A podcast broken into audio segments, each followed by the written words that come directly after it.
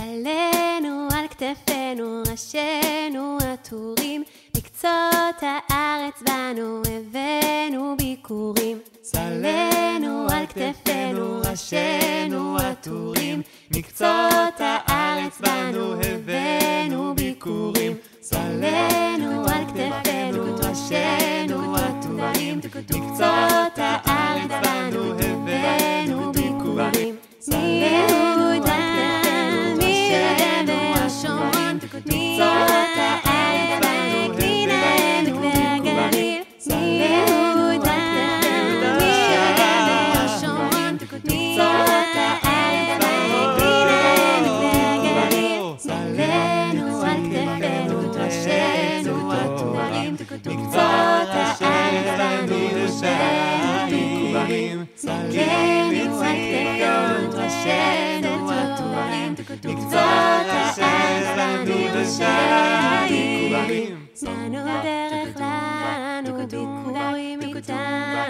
אך באך, אך בטוב, חלל וחליל.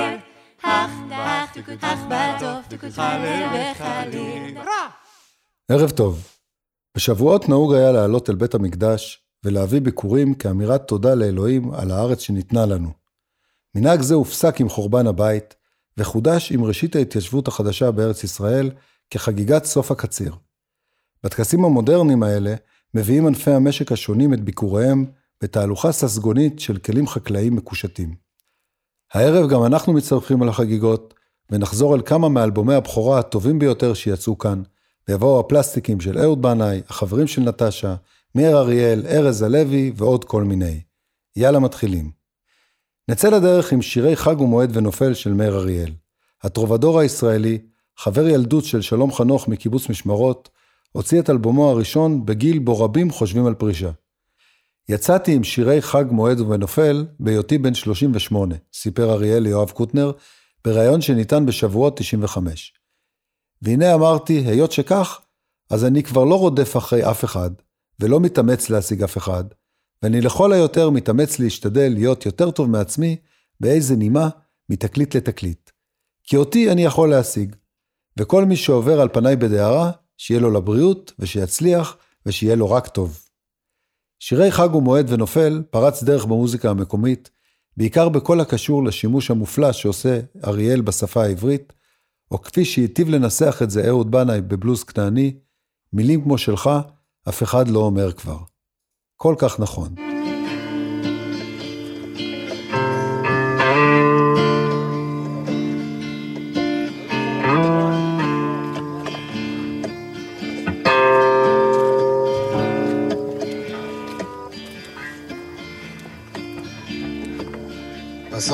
מצאו אותו זרוק מתחת עץ אשכוליות אחד.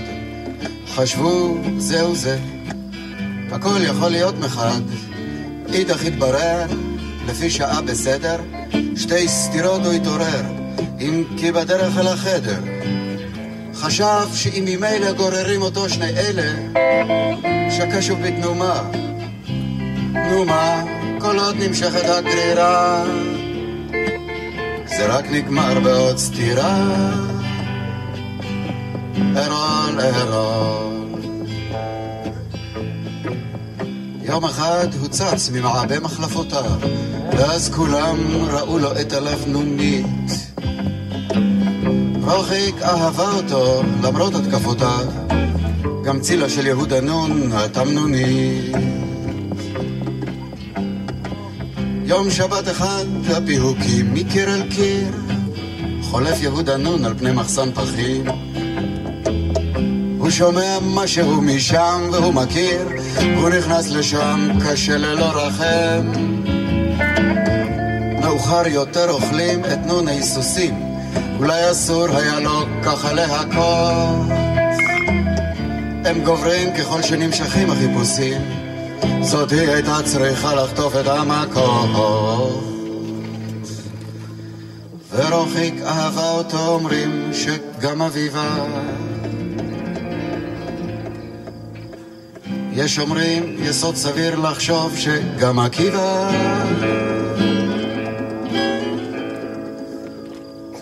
אה, אה, אה. בסוף מצאו אותו זרוק מתחת עץ אשכוליות אחד. חשבו, זהו זה. הכל יכול להיות מחד, מאידך התברר, לפי שעה בסדר, שתי סטירות, הוא התעורר. אם כי בדרך אל החדר, חשב שאם ממילא גוררים אותו שני אלה, שקע שוב בתנומה, תנומה, כל עוד נמשכת הגרירה. זה רק נגמר בעוד סתירה. ארול, ארול. כל מיני מראות ריחות, קולות ולחשים ניגנו עליו כמו היה אורגן חשמל. הוא נתן לשמש, לרוחות, לאנשים, אבוד כל כך כמו תינוק שלא נגמר. ליל שרב אחד כל כוכביו כמו נמסים, ערל החוגג סובב בתחתוניו. מתנשם ממה שמתפרקים הפרדסים, אך פוגל השומר מרחיב את אישוניו. פוגל המיוזע דורך את הזה, לוחש עצור, מכוון אל הלבן הזזזה. עקב הוויברציה בידיו נמלט לו צרור, בין ועם חומק לו ארול העוזר. הוא מתמגנט בחשיכה למקום שם יש כאילו למחרת, שוב אחריו, החיפושים התחילו.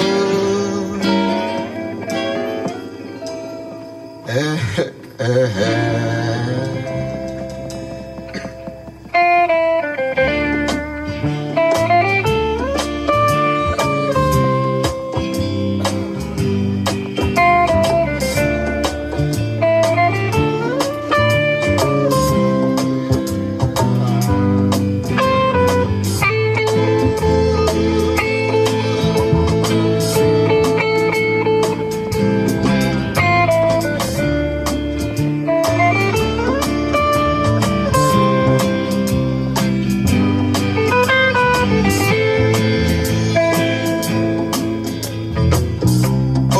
בחצר היו שומעים מכה, ידעו שארול שוב נפל מעץ התות. ענפיו נתנו לו את ביתם, דממה רכה, הוא היה תופס איתם עם שוטטות. את אותו דבר נתן לו עץ אשכוליות, כמעט אותו דבר גם אקליפטוס רוג. זה מה חשבנו, הכל יכול להיות, כל פעם שהאיש פרח לו ונמוג. כל מיני חשבו, זה העשר המתוק, אמרו, לא טיפס על עץ אם לא ינק.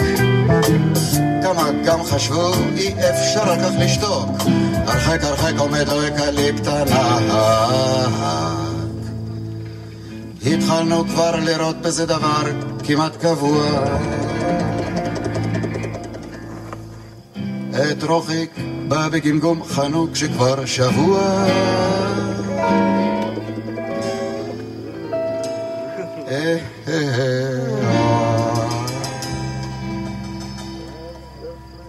בסוף מצאו אותו זרוק מתחת אקליפטוס עוד אחד. חשבו זה מקרה רגיל לא צריך לדאוג מחד מאידך התברר לגמרי לא בסדר. שש שבע סטירות לא התעורר גם לא בדרך אל החדר. היא הבינה זאת ממילא גם בלי מבטי שני אלה. ראתה את זה מזמן, היא אהבה אותו, אז מה? בכיתי גם אני איתה. אני מי שאהב אותה.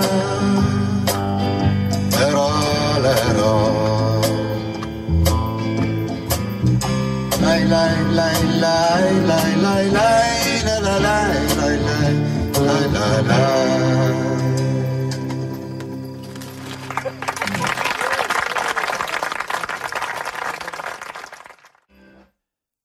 אהוד בנאי, עוד late bloomer ישראלי, החל את דרכו המוזיקלית כנגן בתחנת הרכבת התחתית של לונדון.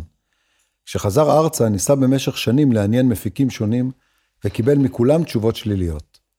בנה הספיק לעבוד כפועל במה במופע קרמר נגד קרמר של הגששים, להוציא סינגל בשם היידישה רסטמן, לכתוב למשינה את רכבת לילה לקהיר, ורק בגיל 32 הצליח סוף סוף להכניס שיר ראשון לרדיו. בנאי עוד הספיק להשתתף גם באופרת הרוק מאמי, לפני שבגיל 35 יוצא אלבום הבכורה שלו עם הפליטים, ואיזה אלבום זה היה. עגל הזהב, עבודה שחורה, זמנך עבר, ממשיך לנסוע, והרבה ותטיח, הם רק חלק מהפנינים שניתן למצוא באלבום. ומעל כולם, זוהר השיר שפרץ את הדרך, עיר מקלט.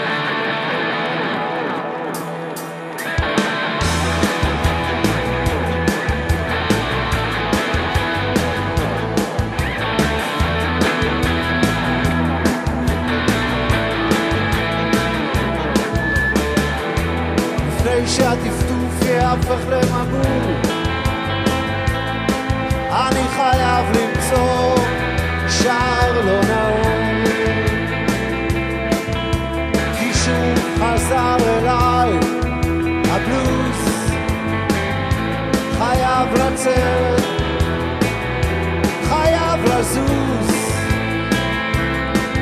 על הכביש המתפתל בין עכו לצפת מטבריה המזח יורד עד לאילת נפלט, נמלט, מבקש עיר מקלט נפלט, נמלט, מבקש עיר מקלט עיר מקלט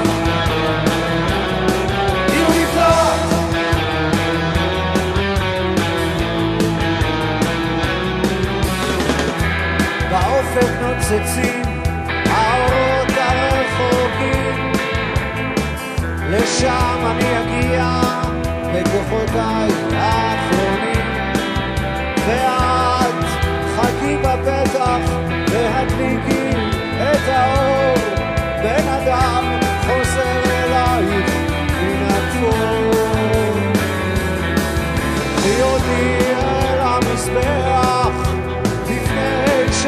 Russia.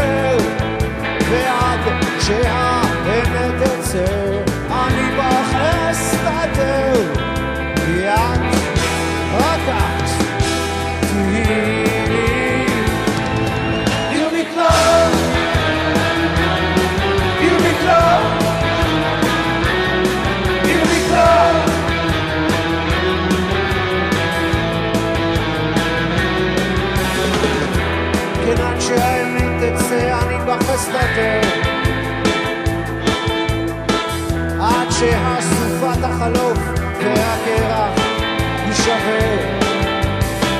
עד שמעיין זורם ייפתח ויפגר עד שהשופט יהפוך ואותנו יסגר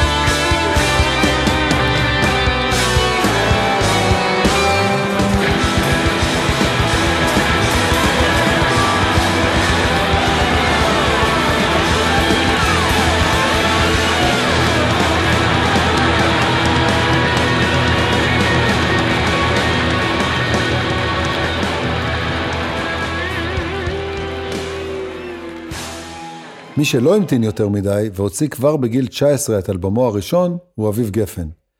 ועוד בטרם הוצאת זרע קור הירח, אביב כבר מדגמן סקנדל ראשון כשהוא מצטלם לכתבה בעיתון, כשהוא עירום, גיטרה מכסה את איבריו האינטימיים, ועל חזהו כתוב המשפט, טוב למות בעד עצמנו. אביב, אז כמו היום, אומר את מה שהוא חושב, והציבור הישראלי לא יודע כיצד לאכול אותו. מצד אחד, הבן של נורית ויונתן. מצד שני, בחור מעצבן. אז הוא נמכר ב-200 עותקים בלבד. שנים אחר כך, כשאביב גפן כבר יהיה אביב גפן, הוא יגיע למעמד פלטינה.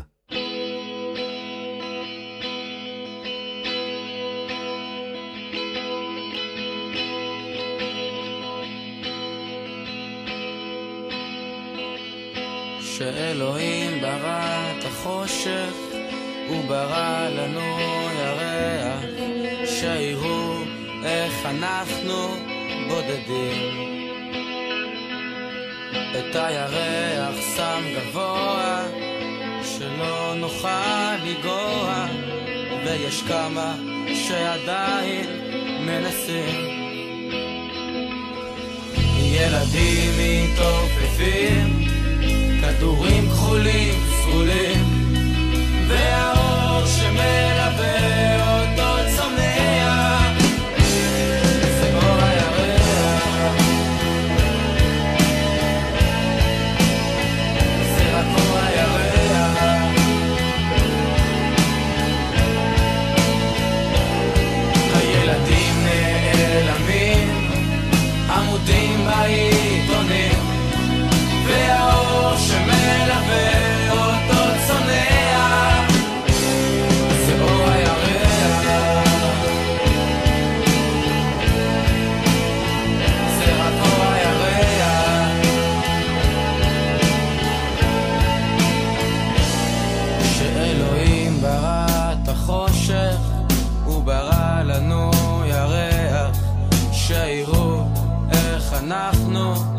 פוחדים את הירח שם גבוה, שלא נוכל לגרוע, ויש כמה שעדיין מנסים. הילדים מתעופפים,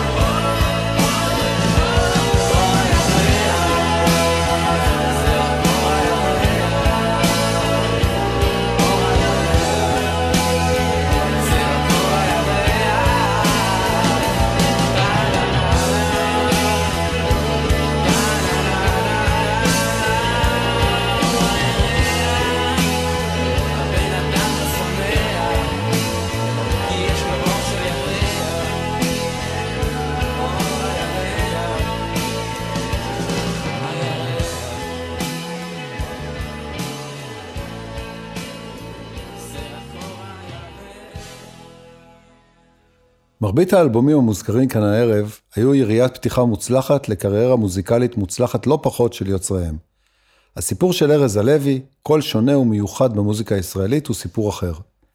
באמצע 83 מגיח הלוי לרדיו עם הדייגים שלו, שמשלב זמר מזרחי ורוק ישראלי. המבטא התימני, שירת הנשמה והעיבוד המצוין של מתי כספי, יצרו צליל מרענן וייחודי. שנה מאוחר יותר הוא מוציא את הלילה, אלבום הבכורה שלו, מלא בשירים אישיים יפהפיים.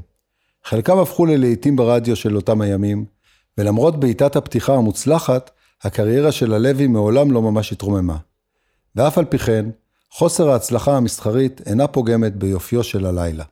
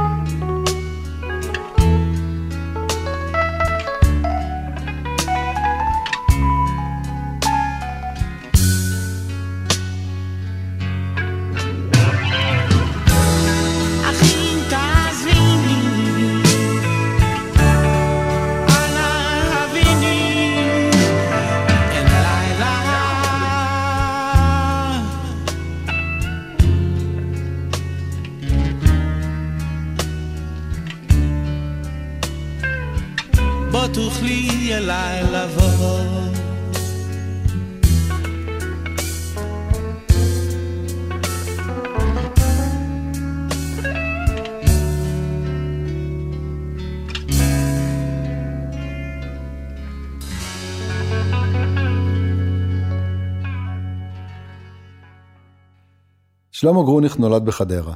אביו היה נגן קלרינט, מורה למוזיקה ומקים תזמורת מכבי האש המקומית. גרוניך החל להופיע כבר בגיל שבע, למד בכפר הנוער הדסים ובאקדמיה למוזיקה בתל אביב. כנגד קלידים מוכשר התגייס ללהקת השריון, הציע להם את רוזה מרציפן, אבל בלהקה חשבו שהשיר מוזר מדי.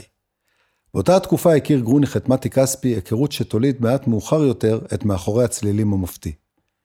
ב-71 מתגרש גרוניך אחרי נישואים קצרים בני כשנתיים, ונכנס להקליט את אלבום הבכורה שלו, שבמידה רבה מביא לידי ביטוי את השבר והכאב של תום הנישואין. למה לא סיפרת לי שלא זכה להצלחה מסחרית גדולה כשיצא, נחשב כיום כאחד האלבומים החשובים שהוקלטו באותה עת בישראל, ושילב מרכיבים של רוק מתקדם עם שירה קלאסית ואפילו חסידית. רוזה מרציפן, עליו ויתרה להקת חיל השריון, המתין בסבלנות לאלבום הבכורה.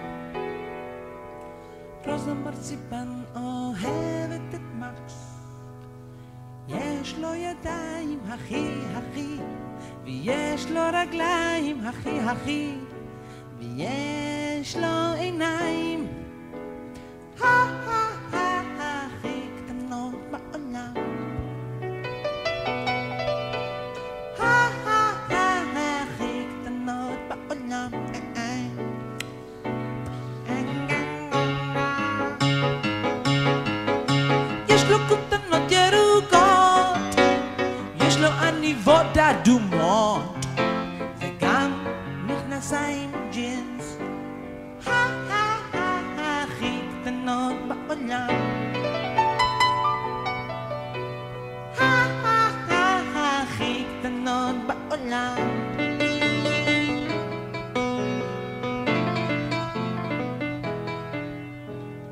רוזה מרציפן אוהבת את מקס שעושה עושה היפוכים באוויר ושישה גלגולים עושה עושה בקרקס הידוע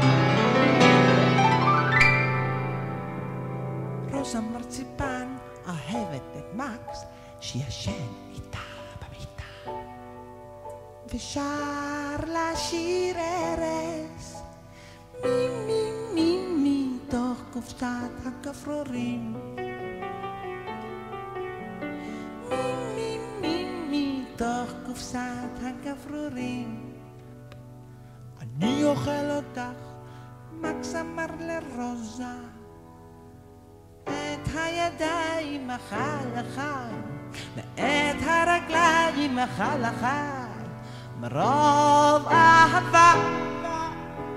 אכל, אכל, אכל, אכל, אכל את כל המרציפן.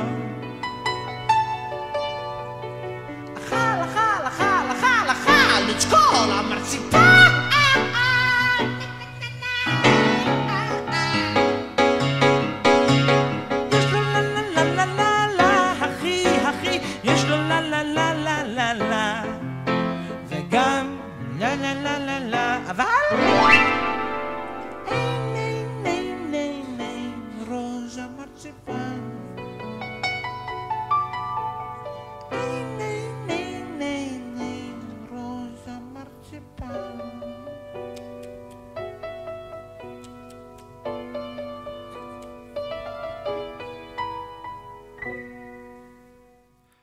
ובחזרה אל משפחת בנאי.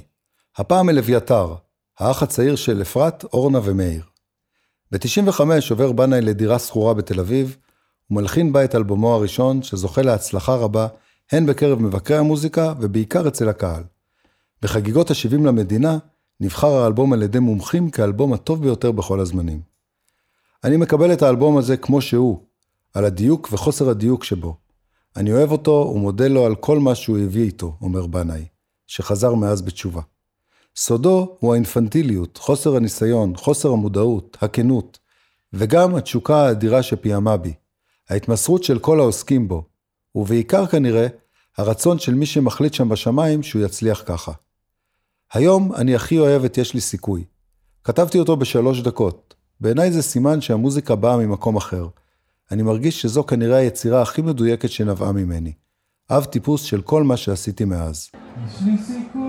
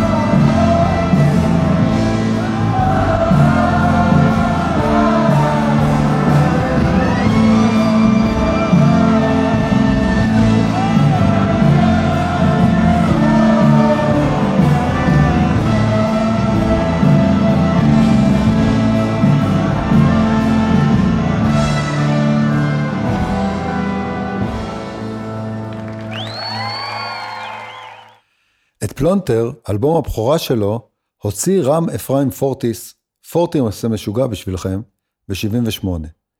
פורטיס, חייל נ"מ במלחמת יום כיפור, השתמש במוזיקת הרוק כדרך ביטוי לכאב והזעם, ומצא אותה במוזיקת הרוק שנתפסה כמשהו מרדני ואנטי-ממסדי. ואכן פלונטר היה אחד האלבומים הפרועים שנעשו עד אז בארץ. סמי בירנבך, השותף לכתיבה באותה התקופה, אומר שהאלבום היה עוף מיוחד במינו. פאנק מבחינת הגישה והכתיבה, אלבום רוק די בסיסי, שפשוט הקדים את זמנו. אז למה להתעכב דווקא על הביקורים של פורטיס? כי פורטיס משוגע היה ממייסדי הפאנק הישראלי, וכי פלונטר שלו נשמע רלוונטי גם היום.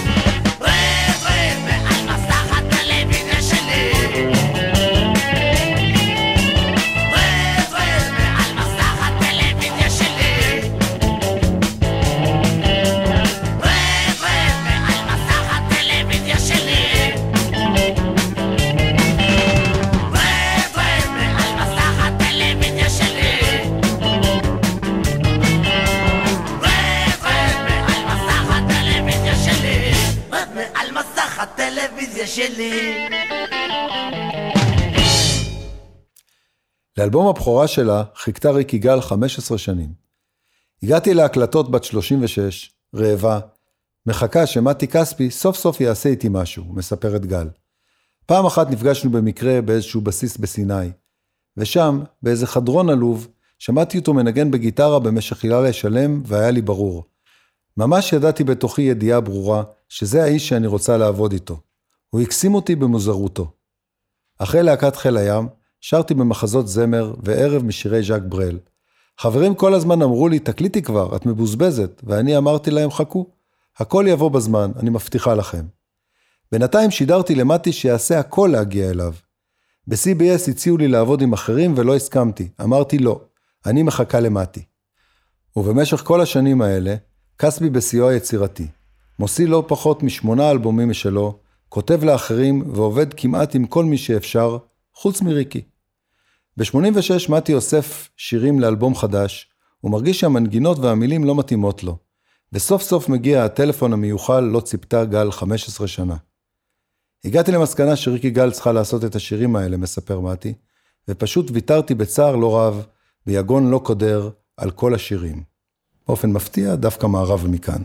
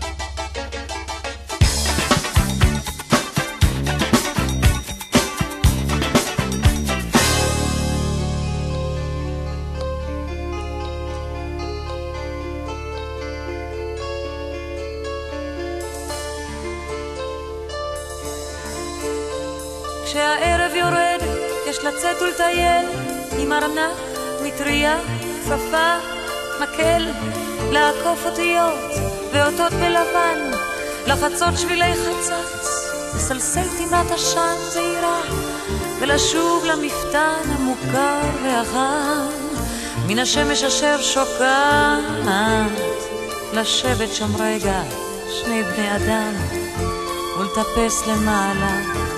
צעד צעד, צעד צעד.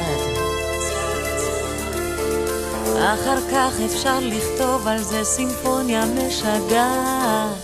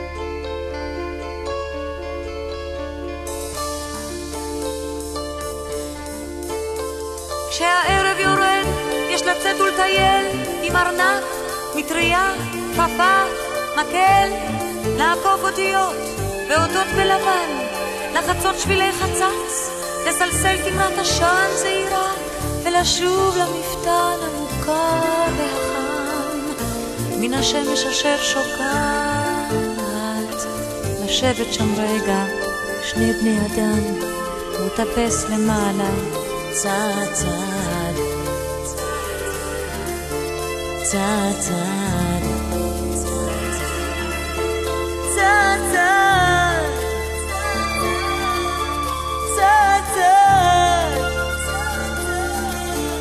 אחר כך אפשר לכתוב על זה סימפוניה משגעת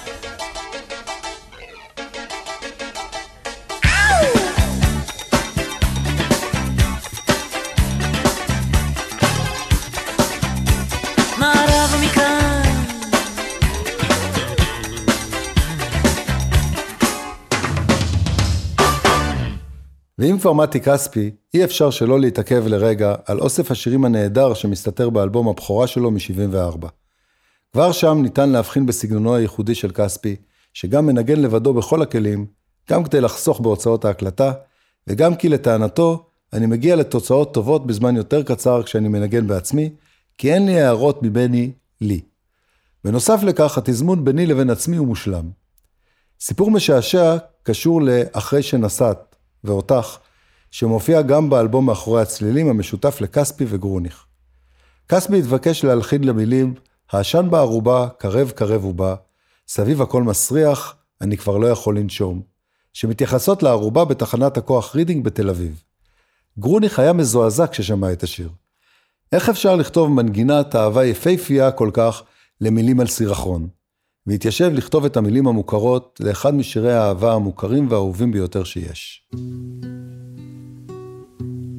ואותך אני חולם, אותך אני בוחר, איתך אני יודע שרק איתך אני חופשי. לבד אני מרגיש כאילו את היית איתנו, אבל כשאני שותק לי עם עצמי, אז את איתי, אבל ואני שותק איתך. ולעצמי אני אומר איתך אני יודע שרק איתך אני עצמי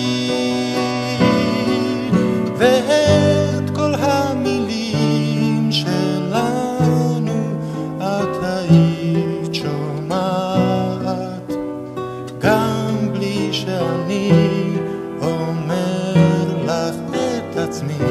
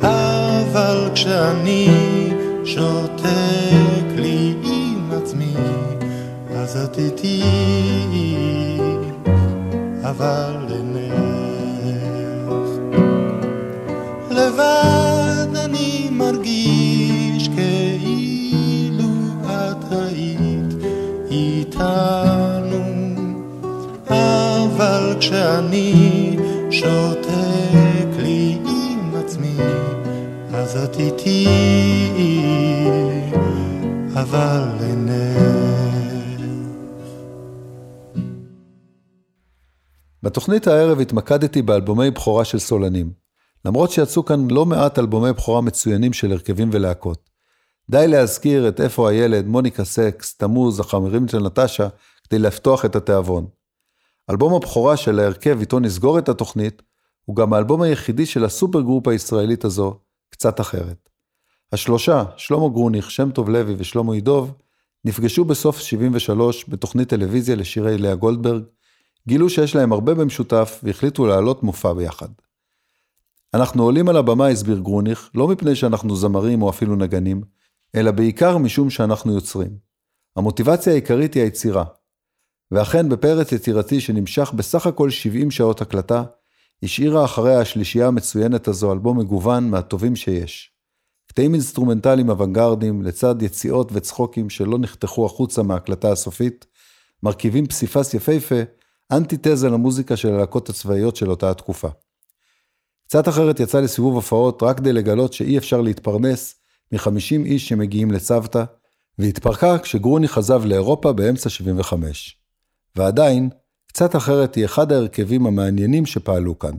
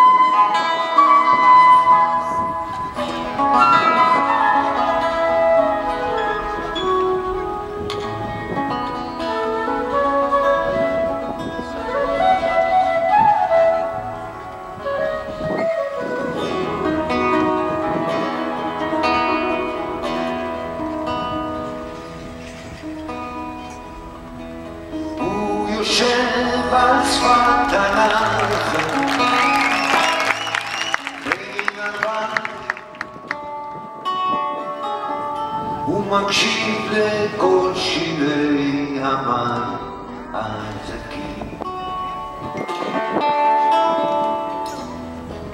הוא שומע איך פרחים צומחים והטל יורד וקופא לחייו כמו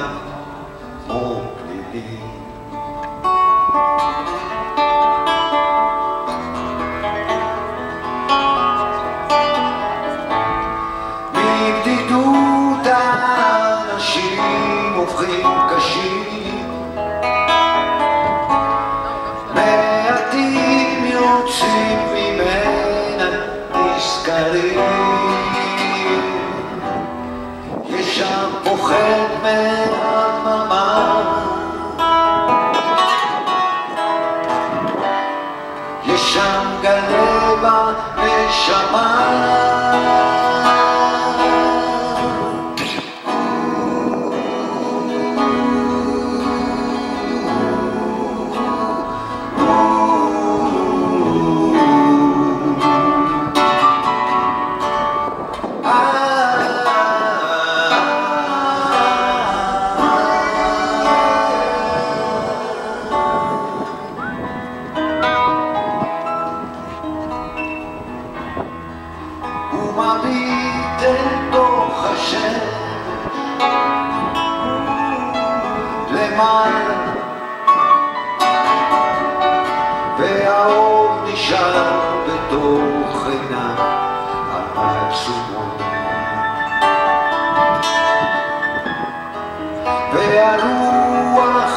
מפזרת סודותיה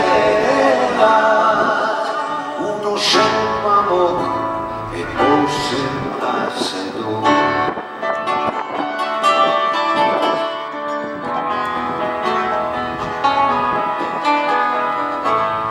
בבדידות האנשים הופכים קשים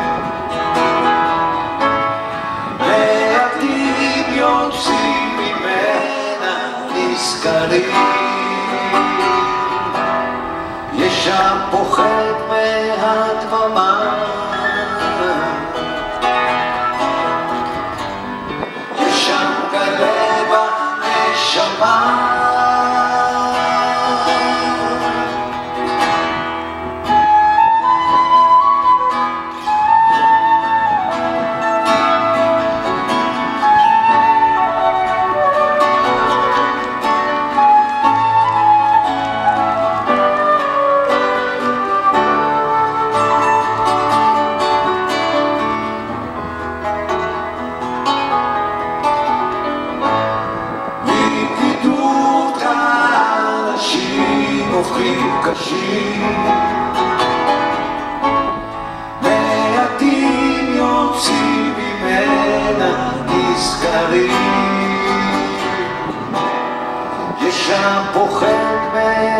מהדממה יש בלב הנשמה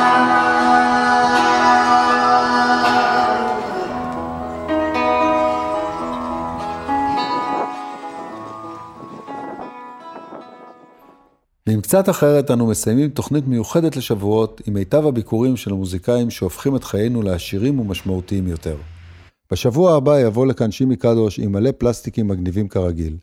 פיתחו יומנים ונקבע לנו דייט לשבוע הבא, בדיוק באותו היום ובאותה השעה, חמישי בעשר. נתקהל כאן כל הקומץ, כאן ברדיו האינטימי שלנו, רדיו התחנה, לעוד שעה במנהרה. תשתדלו להגיע כדי שיהיה לנו לפחות מניין. תודה למיקי שטיינר וליונתן גל שהם הטכנאים, העורכים, הסאונדמנים והמפיקים, או בקיצור, הם הם רדיו התחנה. תודה לרמי יוסיפוב, הטפקסאי מבנימינה שמארח אותי באולפנו המשוכלל. תודה מיוחדת לשימי שאפשר לי להגג מעט בין השירים, ותודה לכם שהאזנתם. מי שלא הספיק יכול לשמוע אותנו בדף הפייסבוק של רדיו התחנה, או בפודקאסט של התוכנית שקישור אליו יעלה כרגיל בדף הפייסבוק הפרטי של שימי. יאללה ביי. Oh,